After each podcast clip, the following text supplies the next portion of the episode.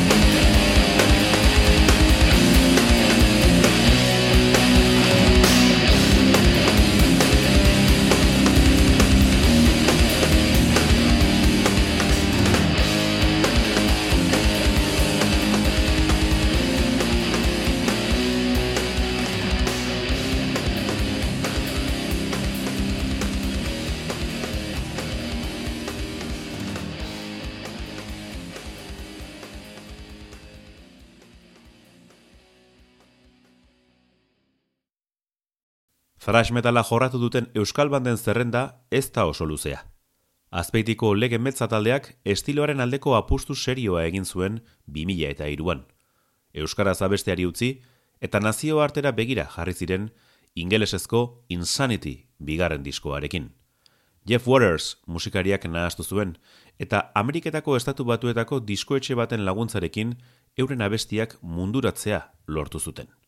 Metallica, Exodus, Testament eta Megadeth gisako erreferenteekin harrera ona izan zuten. Urte batzuk beranduago, estatu mailako thrash loraldiaren parte izan ziren egun ezagunak diren Angelus Apatrida bandarekin batera. Benetako jauzia emateko aukera zutenean, atxeden hartzea erabaki zuten 2000 eta amabian. Alere, lau urte beranduago bueltatu ziren kontzertuak noizbenka emateko. Legen beltza, Black Star. Oh.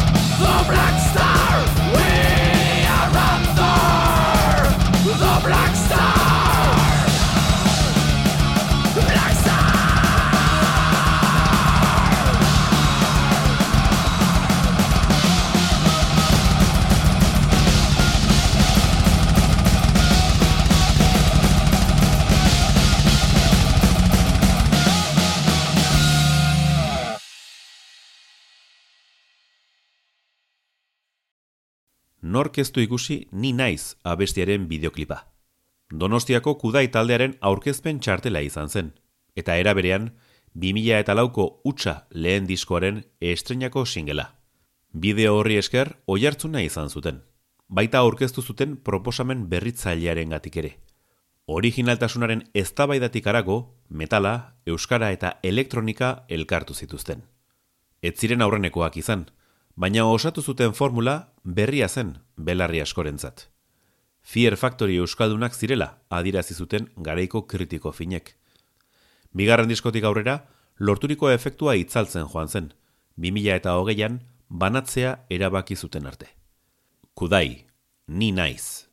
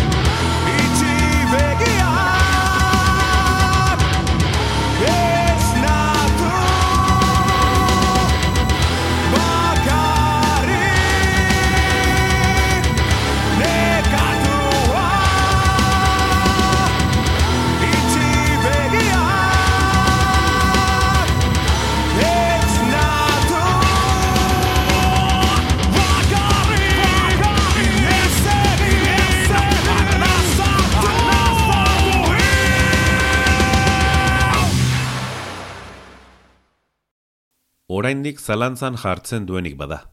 Ordea, Euskal Herrian sortu eta metal munduan urrutien iritsi den banda da Baionako gojira. Nera bezaroan, musikari gisa ezten ari ziren garaian, Euskal Estena bertatik bertara bizial izan zuten. Etxekoa mamitu zuten, beraien bide propioa eraikitzen hasteko.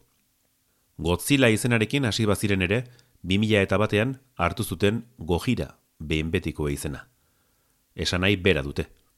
Aldiz, lau urte beranduago kaleratu zuten benetan eurentzat mugarri izan zen diskoa. 2000 eta bosteko From Mars to Sirius irugarren lanak kokatu zituen munduan.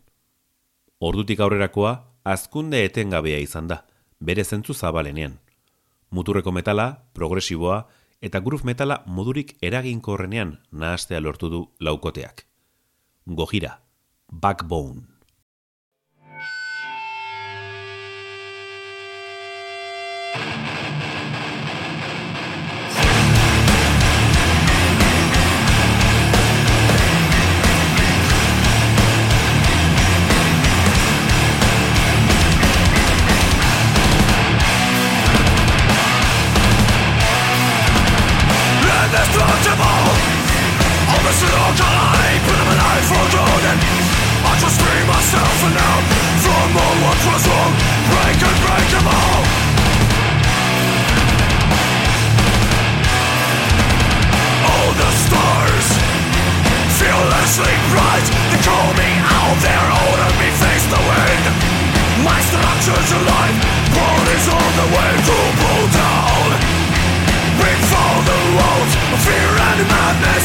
to the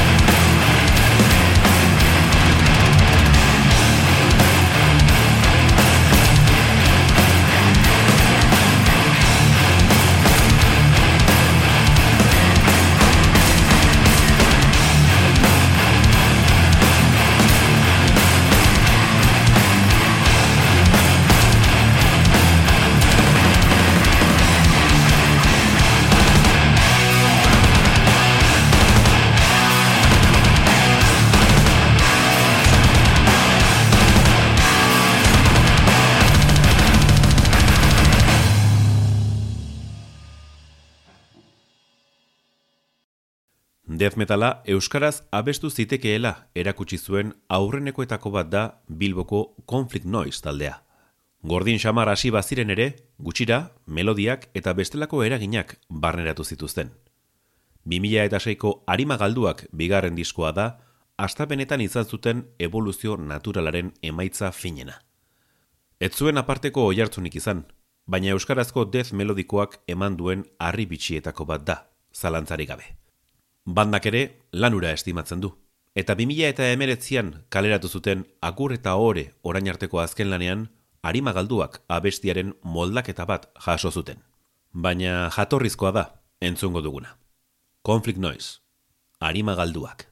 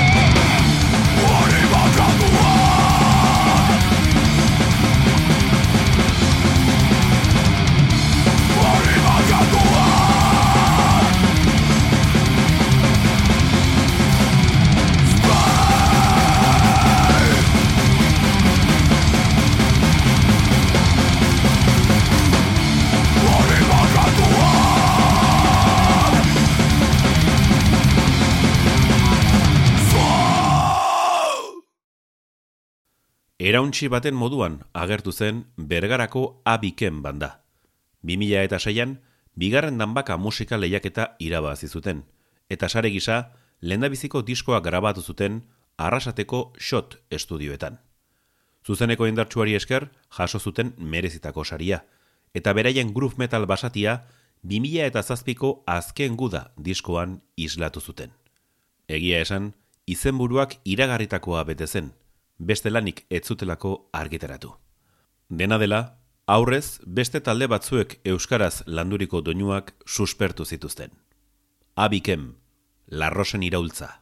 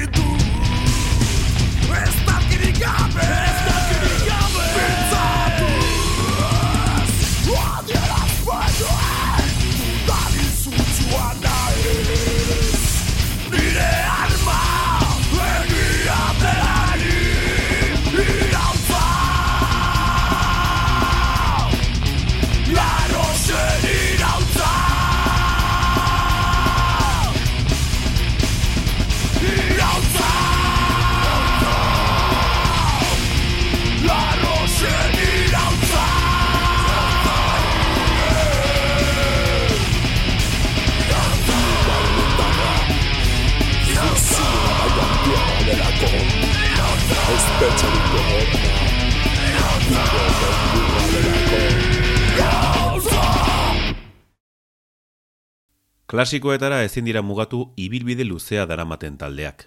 Soziedad Alkolika gazteizarrek ondo dakite zein den urtetan eraiki duten legatua. Klaseko azkarrenak izan ziren hemen, jarkor punka eta zarax metala nahasten. Ez, ez ziren bakarrak izan, baina izenaekin eta irautea lortu dutenak beraiek dira. Diskografia nahiko erregularra lortu badute ere, badira pizgarri gisa har daitezkeen lan batzuk. Esaterako, 2000 eta zortziko mala sangre. Indar berrituta itzuli ziren, eta nazioarteko diskoetxe handi baten babesarekin. Zuzenekoetarako erregai paregabea konposatu zuten, eta kritika onak jaso zituen. Baten batek esango du kaleratu duten azken lan ona dela.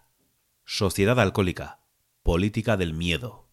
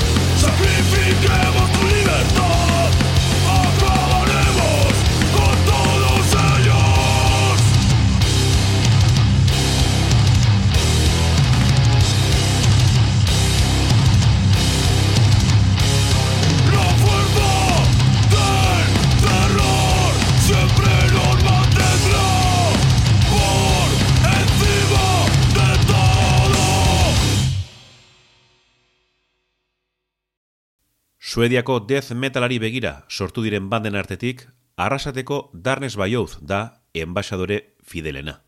Azpi generoaren erreferenteen egitura, riff eta melodien interpretazio propioa egiteko gai izan ziren. Omenaldi borobilena, 2000 eta bederatziko Fear Yourself bigarren diskoarekin lortu zuten. Melodez lan aparta ez ezik, Euskal Herriko metalgintzako harri bitxietako bat da. Pieza guztiak bere lekuan jartzea lortu zuten. Sormena, ekarpena eta ekoizpena. Hasieratik bukaeraraino mantentzen du aipaturiko estiloaren benetako esentzia. Darnes Bayouz, Nothing to say.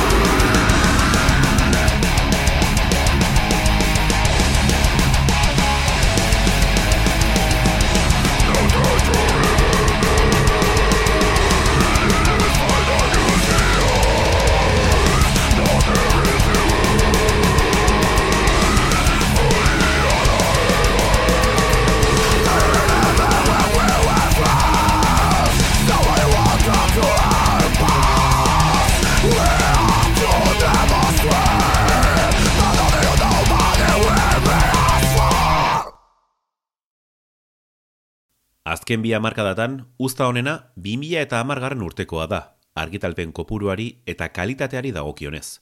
Horien guztien gaineti dago, mutrikuko aiumen basoa taldearen iraupen luzeko lehen diskoa. Iraganeko bide malkartxutik. Euskarazko pagan folk metal altxorra da, eta Euskal Herriko heavy metal diskografian letra larriz ageri dena. Adur, Ilbeltz eta Numen taldeekin batera, black metal euskalduna sustatu zuten, gerora beste batzuek tantaka jarraitu dutena. Nola nahi ere, Gipuzkoarrek aipaturiko lanarekin lorturikoa zoragarria da. Muturreko metala eta euskal tradizioari loturiko musika tresnak ondoen uztartzen dituena. Aiumen basoa, akelarrearen sua.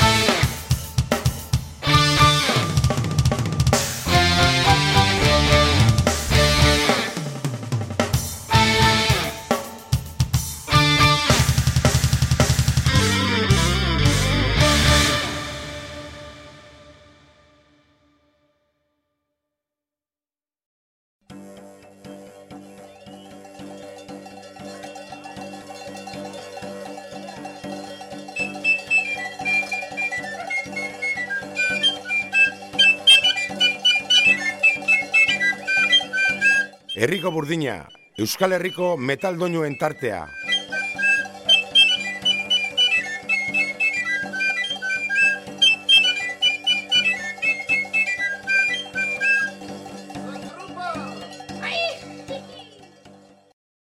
Fenomeno txikiz beterikoa da Euskal Metalgintza. Hau da, danbatekoa eman eta batzuen arreta piztu ondoren desagertu diren bandak ere baditugu. Lezoko gamora da horietako bat. Groove metal zein metalcore basatiarekin burua altxazuten, eta hainbat zalaren lepoak astindu arazi zituzten. Housi Lowly ahazte zeinen errautxetatik jaio zen dirua taldearen oinordeko gisa argenitzake. Erabateko lotura izan ez bazuten ere, musikalki hildo beretik aritu zirela esan daiteke. 2000 eta amarrean, Bilbo iria musika lehiaketa irabazi ostean, Hate disko bakarra argitaratu zuten 2000 eta amaikan. Gorroto guztia askatu zuten, agortzeraino. Lehen amarkada eta saioa bukatzeko, Gamora taldearen disko bakarretik The Rise of a New Power abestia hautatu dugu. Bigarren amarkada izango da urrengoa. Metalzale.